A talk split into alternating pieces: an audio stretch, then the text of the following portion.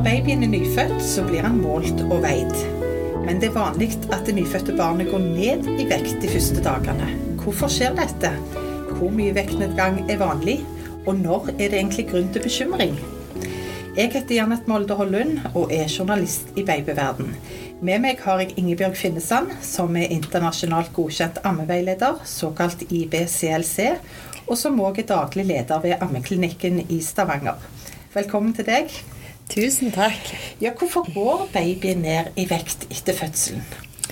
Eh, det er fordi at eh, i starten så spiser han ikke så stor mengde melk ennå, eh, og så tisser han og bæsjer ganske mye. Så vi sier det, det er kun væske han på en måte taper de første dagene. Og det er helt normalt, og alle gjør det. det med, de veier alle nyfødte babyer etter fødselen, og så følger de med på hvor mye de går ned, og at de starter å gå opp igjen i vekt. Hvor mye regnes som normal vektnedgang da etter, etter veid de? Det er, det er litt forskjellig, men en, en regner med at eh, det er helt greit at de går ned 10% av fødselsvekten sin. Så har du en baby som er helt på gjennomsnittet som er 3,5 kg, så tenker en at den kan gå ned 350 gram um, uten at det er på en måte noe Eh, negativt. De fleste går ikke ned så mye. De fleste går kanskje ned 7-8% og, så, og så begynner de å gå opp igjen. Men når snur den kurven? Den snur som regel tredje eller fjerde dagen etter fødselen. Og det, eh, men, og, og når, altså det, skjer når mor sin melkeproduksjon øker opp, og denne store melkeproduksjonen kommer i gang, og brystene er fulle av melk. Ja, for så tenker jeg nå at eh, det er jo stadig kortere liggetid på mm. sykehuset. Mm. Eh, og da vil en gjerne ikke få eh, like tett oppfølging og kunne følge med på den vekten. Kan en da vite at en reiser hjem med et barn som har tilfredsstillende vekt? Eh, det, det, vil de måtte eh, passe på på sykehuset. De, og de vil veie dem før de skrives ut. Og det er òg sånn at det er spesialisthelsetjenesten sin oppgave da, å sørge for at kommunehelsetjenesten, som da er helsestasjonene, eh, skal kunne følge opp når du kommer hjem. Så det med, det med vekt, det, det, må de ha en ordning på hvis du skal skrives tidlig ut fra sykehuset. Men det er jo ikke så tidlig. altså jeg tenker Det er ikke ekstra tidlig. Det er to dager, og så er de fleste på vei hjem igjen. Og da vil det jo si at en ikke rekker de dagene der en faktisk ser at det snur. Ja, og da, det er derfor det er viktig. Og der er jo òg eh, retningslinjer for dette. Sant? At en skal kunne få hjemmebesøk av helsestasjonen. Eh, og de aller, aller fleste helsestasjoner har jo en sånn åpen eh, Altså en mulighet for å kunne komme inn og veie babyen der. Men hvis vekten går nedover, eh, og han går mer enn de 10 prosentene, når er det grunn til å kjenne at en blir bekymra? Når barna har gått ned 10% så skal en se, altså, se på eh, altså, hele situasjonen deres og dette rundt ammingen. Eh, og det er som regel ting eh, man kan gjøre da. Men det er klart, det er noen sånne tips for hva du kan gjøre i dagene før det, for å på en måte sørge for at de ikke går så mye ned i vekt. Og det er Eh, nummer én at jo mer babyen spiser av brystet, eller du ta, klemmer ut dråper med melk til den, eh, jo bedre. Eh, og, og, vi ser at babyer som de er veldig hyppig, de går ned mindre i vekt, og de øker raskere opp fordi at melkeproduksjonen eh, øker raskere. Så, så det å, å, å, ha en baby som, som, spiser ofte, eller hvis han er trøtt og ikke vil spise så ofte, at du håndmelker ut eller bruker, bruker pumpe og klemmer ut ekstra melk og gir Og da kan du, du kan egentlig bare melke ut på en liten teskje um, og gi rett i munnen. Uh, jo oftere du gjør det, jo, raske, altså, jo mindre vil vekten til babyen gå ned, uh, og jo raskere vil melkeproduksjonen din øke opp. Men du snakker jo om eh, gjerne opptil noen hundre gram.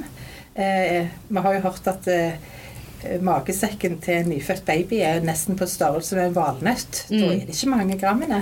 Nei, det er ikke mye de tar hver gang. Og det handler om De har en veldig liten eh, magesekk. Og så er de vant med å få næring kontinuerlig når de er inni magen. Så en nyfødt baby den trenger å spise ofte. Eh, og jeg syns det er så fascinerende hvis vi ser til eh, et annet pattedyr. Sant? For det er jo det vi mennesker er. Eh, et nyfødt lam. Sant? De er mye modnere enn våre babyer, men de vet du hvor mange ganger i, i det første døgnet de spiser. mellom 60 og 70. Oi. Og da kan vi tenke at vi tenker ofte at den nyfødte babyen skal spise hver tredje time. Det er egentlig kjempesjelden. Men det, det har, de, har de sett på. De har lagt nyfødte babyer på eh, hud mot hud med mammaen sin, og så har de målt og telt hvor mange ganger de spiser. Hvis de får ligge der i ro og fred og må få hjelp liksom, til alt rundt. Og da spiser de i snitt en gang i timen, men ganske kort hver gang. Eh, mens vi ofte strekker litt på tiden, og så vi Eh, så spiser de heller lenger. Men jo oftere de spiser, jo mer næring får de. Og den råmelken som er, den er jo veldig klokt lagt til. For siden eh, magen er ganske liten, og de tar liten mengde hver gang, så har mammakroppen gjort det sånn at eh, råmelken er veldig konsentrert. Den er liksom superkonsentrert næring. Så det er skikkelig en sånn liten næringsbombe de får hver gang de spiser, spiser råmelk. Eh, så den vil gjøre at, at, eh, at eh, de ikke går så mye ned i vekt. Og så er det òg sånn at jo oftere de spiser de første dagene, jo raskere øker melkeproduksjonen opp. Og da er det sånn at når brystet plutselig er fullt i melk, så bare snur den vekta. Så det, det, vanligste det er at vekten går ned, og så går den bratt oppover når melkeproduksjonen kommer i gang. Mm. Men hvis den går nedover, hva kan grunnene til det være? Altså Tenker du at den går videre ned ja, altså, Hvis den går mer ned enn det en hadde forventa. Da kan det være at de har tatt litt, eh, litt At de tar litt lite melk. Eller, og det trenger ikke være sånn at din melkeproduksjon er dårlig, men det kan være at babyen faktisk ikke tar ut det som er i brystet. Og det er jo derfor det er så viktig at hvis det er på en måte noe som, som avviker litt fra det vi forventer, at det er noen eh, som veileder deg på det, og får sett på liksom, situasjonen eh, til akkurat deg og din baby. For jeg tenker Som eh, nybakt mamma så har du masse som foregår. Du har hormoner, du har overganger, du skal inn i en helt ny tilværelse. Og det er fort gjort å tenke at dette er nok min feil. Jeg er ikke god nok, jeg har ikke god nok mat til barnet mitt. Er det noe dere har møtt på? Eh, ja, hver dag. og det er litt, jeg tror det er litt sånn typisk oss damer. Sant? Og så er det litt det, alle disse instinktene som vi har. Sant? For for det er nå engang sånn at vi òg har, på samme måte som dyr, har masse instinkter. Eh, men vi er ikke så vant med å tenke sånn. Eh, så vår mammahjerne, den er faktisk sånn Han er spesialtilpassa til å oppfatte om det og reagere på om det er noen eh, ting som avviker eh, når det gjelder babyen, eh, hvor mye mat babyen spiser. Og det var jo veldig viktig når vi var huleboere sant? og vi ikke hadde eh, noen andre hjelpemidler enn de brystene vi har. Sant? Så derfor så, så er vi gjennom evolusjonen tilpassa til at vi skal reagere veldig hvis det er noen forstyrrelser eh, på det som går på mating. Eh, og det er veldig fint, for vi oppfatter sant, hvis det er og vil at babyene skal spise, skal spise nok. Eh, men jeg kan ikke gjøre noe direkte med sammensetningen av melken? Du, nei, og det er heller ikke nødvendig. Det er det å få i babyen nok. Eh, og jeg pleier å si til Det er av og til nødvendig at man håndmelker ut sant, og gir ekstra hvis babyen ikke spiser så mye. Eh, og da kan det være lurt f.eks. å gi litt ekstra etter hvert hver amming, istedenfor å tenke at du skal gi et helt måltid ekstra. Så at du gir, eh, fordi at da, Hvis du har en liten sånn matekopp for nyfødte babyer kan faktisk drikke av kopp. Eh, de helt første dagene kan det gjerne være altså dag én og to kanskje en teskje, og så en sånn liten eh, myk silikonkopp. Eh, og da, hvis du bare tenker at du gir liksom 10 milliliter eh, sånn når du har kommet litt ut i forløpet. Etter hvert måltid så blir det veldig mye i løpet av en dag, det. Men det går fort å klemme ut 10 milliliter oppi en, oppi en kopp og bare gi det, gi det, til babyen. Det er det aller beste hvis du føler liksom, altså at den trenger, trenger litt ekstra. Eh, men det er klart, der er, helsestasjonen er der. Eh, når du er på sykehuset, så har du personale der. Så pass på, eh, hvis du er usikker på disse tingene før du drar hjem fra sykehuset, at du får en plan. Sant? Og skriv det ned, for jeg kan love at du husker ingenting. Men når jeg tenker tilbake i generasjoner, så er det jo da en kommer fram med gjerne erstatning. Det hjelper jo. Gjør det det? Blir det gitt på sykehus eller i starten, eller tar det den tiden en trenger for å finne ut av dette? Nei, det er jo Morsmelkerstatning er et veldig godt hjelpemiddel altså, og god næring når, når, man har behov for det. Eh, så på sykehuset så vil de alltid gjøre en medisinsk vurdering av om din baby har behov for det eller ikke. Og vi kan jo gjerne tenke at det hadde det ikke vært greit å bare gi alle så de var stappa mette. Eh, Og det, det, kan høres lurt ut, men det har òg sine baksider. Det vil òg gjøre at babyen sover lenger, sånn at det fine samspillet som skal være mellom mamma sin kropp og babyen sin kropp i forhold til å justere produksjonen eh, ut ifra hva babyen har behov for, det blir forstyrra.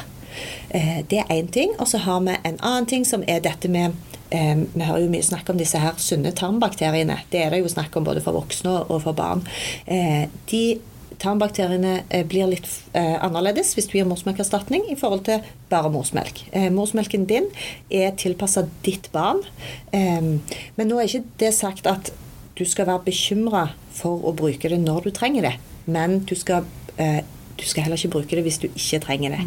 Så du vil si du skal gi det litt tid? Du, du skal spørre, Hvis det er noen som helst du tenker at du gjerne trenger å gi, så spør om hjelp. Sant? Spør noen som kan se på eh, hvordan din baby spiser, og hvordan deres mating eller amming fungerer. Sukkervann har jeg òg hørt har blitt brukt i sånne sammenhenger. Ja, det ga de mye før. Ja. Eh, I store mengder. Eh, de og, og, Før så var det jo ikke vanlig at babyen var med mor inn på rommet. Sant? De hadde babyene på sånne, på sånne barnestuer. Og jeg husker en, en barnepleier som veldig, hadde jobbet veldig veldig lenge på barsel eh, når jeg jobbet der. Hun fortalte at de hadde babyen i så, altså, sånn skuffer, så de festa i sånn stativ i veggen. Altså, så, og, og, da, for å få nyfødte babyer til å ligge i ro, altså, sånn, så ga de dem altså sukkervann. Og nå er jo det en av de tingene som vi bare tenker at det var helt altså, feil. Vi vet at det er feil. De sier jo at mengden sukker de ga til nyfødte barn i starten, tilsvarte som om vi skulle drukket mange mange liter cola i døgnet. Ja. Um, så, det var, så, det er ikke, ikke, en god idé. Nei, og det metter ikke. Det metter ikke. Det er jo bare tomme kalorier. Det er jo ikke næring i det i det hele tatt. Mm. Det er klart, Hvis babyen din ligger på sykehuset, og de sier at han altså, har lav altså, Hvis det er noe som sier at gjør at de sier at han, at han trenger det av en medisinsk grunn, så skal du selvfølgelig høre på dem. Eh, og da stemmer jo det. Men det å begynne å lage sukkervann eller sånn hjemme, det, det skal han ikke, Nei, ikke så gjøre. søk hjelp heller. Søk hjelp, og, og det det, tror jeg Søk hjelp så tidlig som mulig hvis du opplever utfordringer, eller hvis du er usikker. For det bare det der å få en bekreftelse er veldig godt. For det er en sårbar situasjon. Det er helt normalt å være usikker det er vanskelig å vurdere sjøl. Og det kan jeg si Jeg følte meg òg usikker når det var min baby nummer fem, og jeg var ammeveileder. Sant? Og jeg hadde jobba på barsel- og nyfødt intensivavdeling i mange år. Sant? For det er sånn det er å være mamma.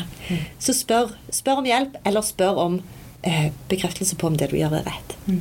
Men kan det hende noen gang at en mor har for lite næring i melken sin? At det er det som gjør at ikke barnet vokser som det skal? Nei. Det kan vi svare liksom nei på. Det handler som regel om eh, alltid om eh, mengde melk som babyen spiser. Og det trenger ikke være at en mors produksjon er for lav. Det kan òg være at babyen ikke tar ut det som er i brystet. Og det er derfor det er så viktig å ha noen med eh, som har god kompetanse på akkurat dette med amming, som ser på det, som ser på hele situasjonen. Fordi at det er veldig vanskelig å vurdere eh, på egen hånd. For det er jo ikke sånn at fordi man har født et barn, så har man plutselig masse kunnskap om amming. Men eh, hvis det ser ut som barnet får i seg det det trenger, men så gulper det mye etterpå, kan det virke inn på hvor mye vektoppgang det får? Veldig sjelden. Det er noen barn som kan ha det som, noe som heter refluks, eh, men det er ikke vanlig. Det er vanlig at babyer gulper. Eh, og hvis, hvis, vekten går dårlig opp, og man ser gulp samtidig, mye, mye med gulp, så er det klart, da er det noe som legen skal se på. Sant? Men for de fleste så går så De fleste bekymrer seg over at babyen gulper. Eh, de fleste tror at babyen gulper store mengder, men da pleier jeg å si at hvis du tar en liten teskje og tømmer bare vanlig melk på det, og så tømmer på et bord, så ser du at det ser ganske mye ut. Men vi vet at det er ikke mye. Um, så, så, og, og, det er sånn som, der er en kanadisk barnelege som, som, pleier å si det at eh, morsmelken inneholder jo veldig mange gode stoffer. Antistoffer sånn, som, eh, som legger seg ned liksom, i hele spiserøret på vei ned mot magen, og som beskytter akkurat det. Og når babyene gulper det opp igjen, så får de på en måte smørt liksom hele innsiden sin en Ja, gang til. Så de får, nei, så de får, de får litt, litt sånn på spøk, sier han det, da, men de får litt sånn dobbel valuta for, for den melken de har spist. Eh, ja. Så det er overskuddet på en måte som kommer opp. Overskuddet kommer opp. For det normale hos babyer, det er at lukkemuskelen som er Det er en lukkemuskel ut ifra magesekken. Eh, den er svak. Og det skal den være hos babyer. Fordi at de spiser en enorm mengde i forhold til kroppsstørrelsen sin. Eh, og hvis de spiser for mye, så skal det lett kunne komme opp igjen. Så det, er, det å gulpe for en baby, det oppleves ikke sånn som det er å, å, å kaste opp for oss. Sant? Det er ikke ubehagelig, det pleier bare å, å, komme opp. Og da snakker jeg om den normale, vanlige gulpingen, at babyen gulper litt, um, og så går normalt opp i vekt. Så har vi en annen ting som en del foreldre opplever, at barnet får gulsott. Eh, kan det virke inn på hvor lang tid barnet bruker på å gå opp igjen til den vekten det bør ha? Ja, og det er gulsott er noe som kommer i de første dagene etter fødselen. Eh, Det er veldig vanlig. eh, Men det ikke, men det er noen få som får, at, at de blir, får såpass mye gulsott at de blir påvirka av det. Eh, og det vil si at du ser at de er gule i huden. Eh, og en vanlig ting da er at de blir slappe og veldig søvnige og sover mye.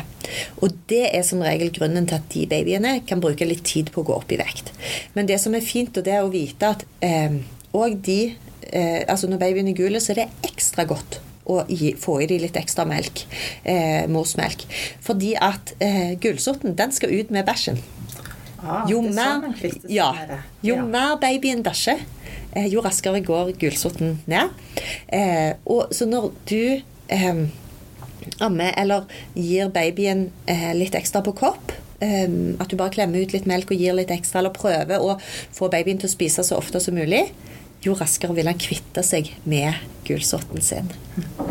Og de som har veldig høye nivåer av gulsott, de blir jo fulgt opp av, av sykehuset. Ehm, så der vil du òg da få råd og få veid oftere sant? og få beskjed om akkurat hvor mye melk babyen trenger. Men det er òg en ting som er litt viktig. Hvis babyen din går ned i vekt, og du ser liksom etter du har kommet hjem fra sykehuset at det ikke snur og går opp igjen, så spør om det med gulsott.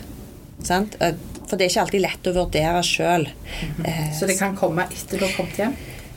Ja, for det kommer jo an på hvor tidlig man reiser hjem. Det, det, gulsott har som regel sin topp sånn fire til fem dager etter fødselen, og så pleier det å begynne å gå ned igjen. Men det er noen babyer som trenger hjelp for å få, for å få eh, den gullsorten ned. Eh, og da, da bruker vi på sykehuset det som heter lysbehandling. Det er noen som tenker at de kan legge babyen sin i lyset fra vinduet. Eh, det er liksom et litt sånn utdatert råd. For vi vet jo at gullsorten den skal skilles ut via avføringen, så det er mye viktig at babyen får i seg mest mulig melk. Så jeg vil si ha den heller hud mot hud, eh, og stimulere den til å spise liksom så ofte som du kan, eh, framfor å legge babyen eh, i, i lys fra vinduet. For trenger de lysbehandling, så skal de få ordentlig lysbehandling. Men da eh, blir vi ikke heller sluppet fra sykehuset før en ser at barna kom tilfredsstillende opp i vekt, hvis de får behandling? Hvis de får behandling på sykehuset, så vil sykehuset følge det med blodprøver etterpå. Så vil de se liksom at prøvene går så langt ned at man vet at dette er, eh, vil fortsette nedover. Noen barn er kanskje òg kvalme etter fødselen, at de har eh, svelget fostervann, eller virker det inn på hvordan de spiser? Ja, de kan ehm, det, det er noen babyer som kan være ganske kvalme. ehm, særlig kanskje første døgnet etter fødselen. Ehm, da er det godt for dem å få ligge på magen oppå mor. Hud mot hud. Um, og, og det er aldri feil å de, altså, tilby brystet eller gi dem melk. Det er ikke sånn at det vil gjøre dem mer kvalmende på noen måter. Så vil en ofte kanskje se at de brekker seg litt, at det kommer opp litt. Um, litt da er det ofte fostervann som kommer opp. sånn. Ehm, så da er det det å ha de, ha de eh, hud mot hud, eh, og da kan du godt ligge sant, med godt støtte opp med puter bak, eh, og så la babyen ligge, ligge på magen oppå deg. Du skal jo ikke sovne sånn, sant, for da kan du Ja. Men, men eh, det er ofte veldig godt for dem hvis de er kvalmende, og da vil du ofte se at det, det kommer litt ut liksom når de ligger sånn, sånn på magen.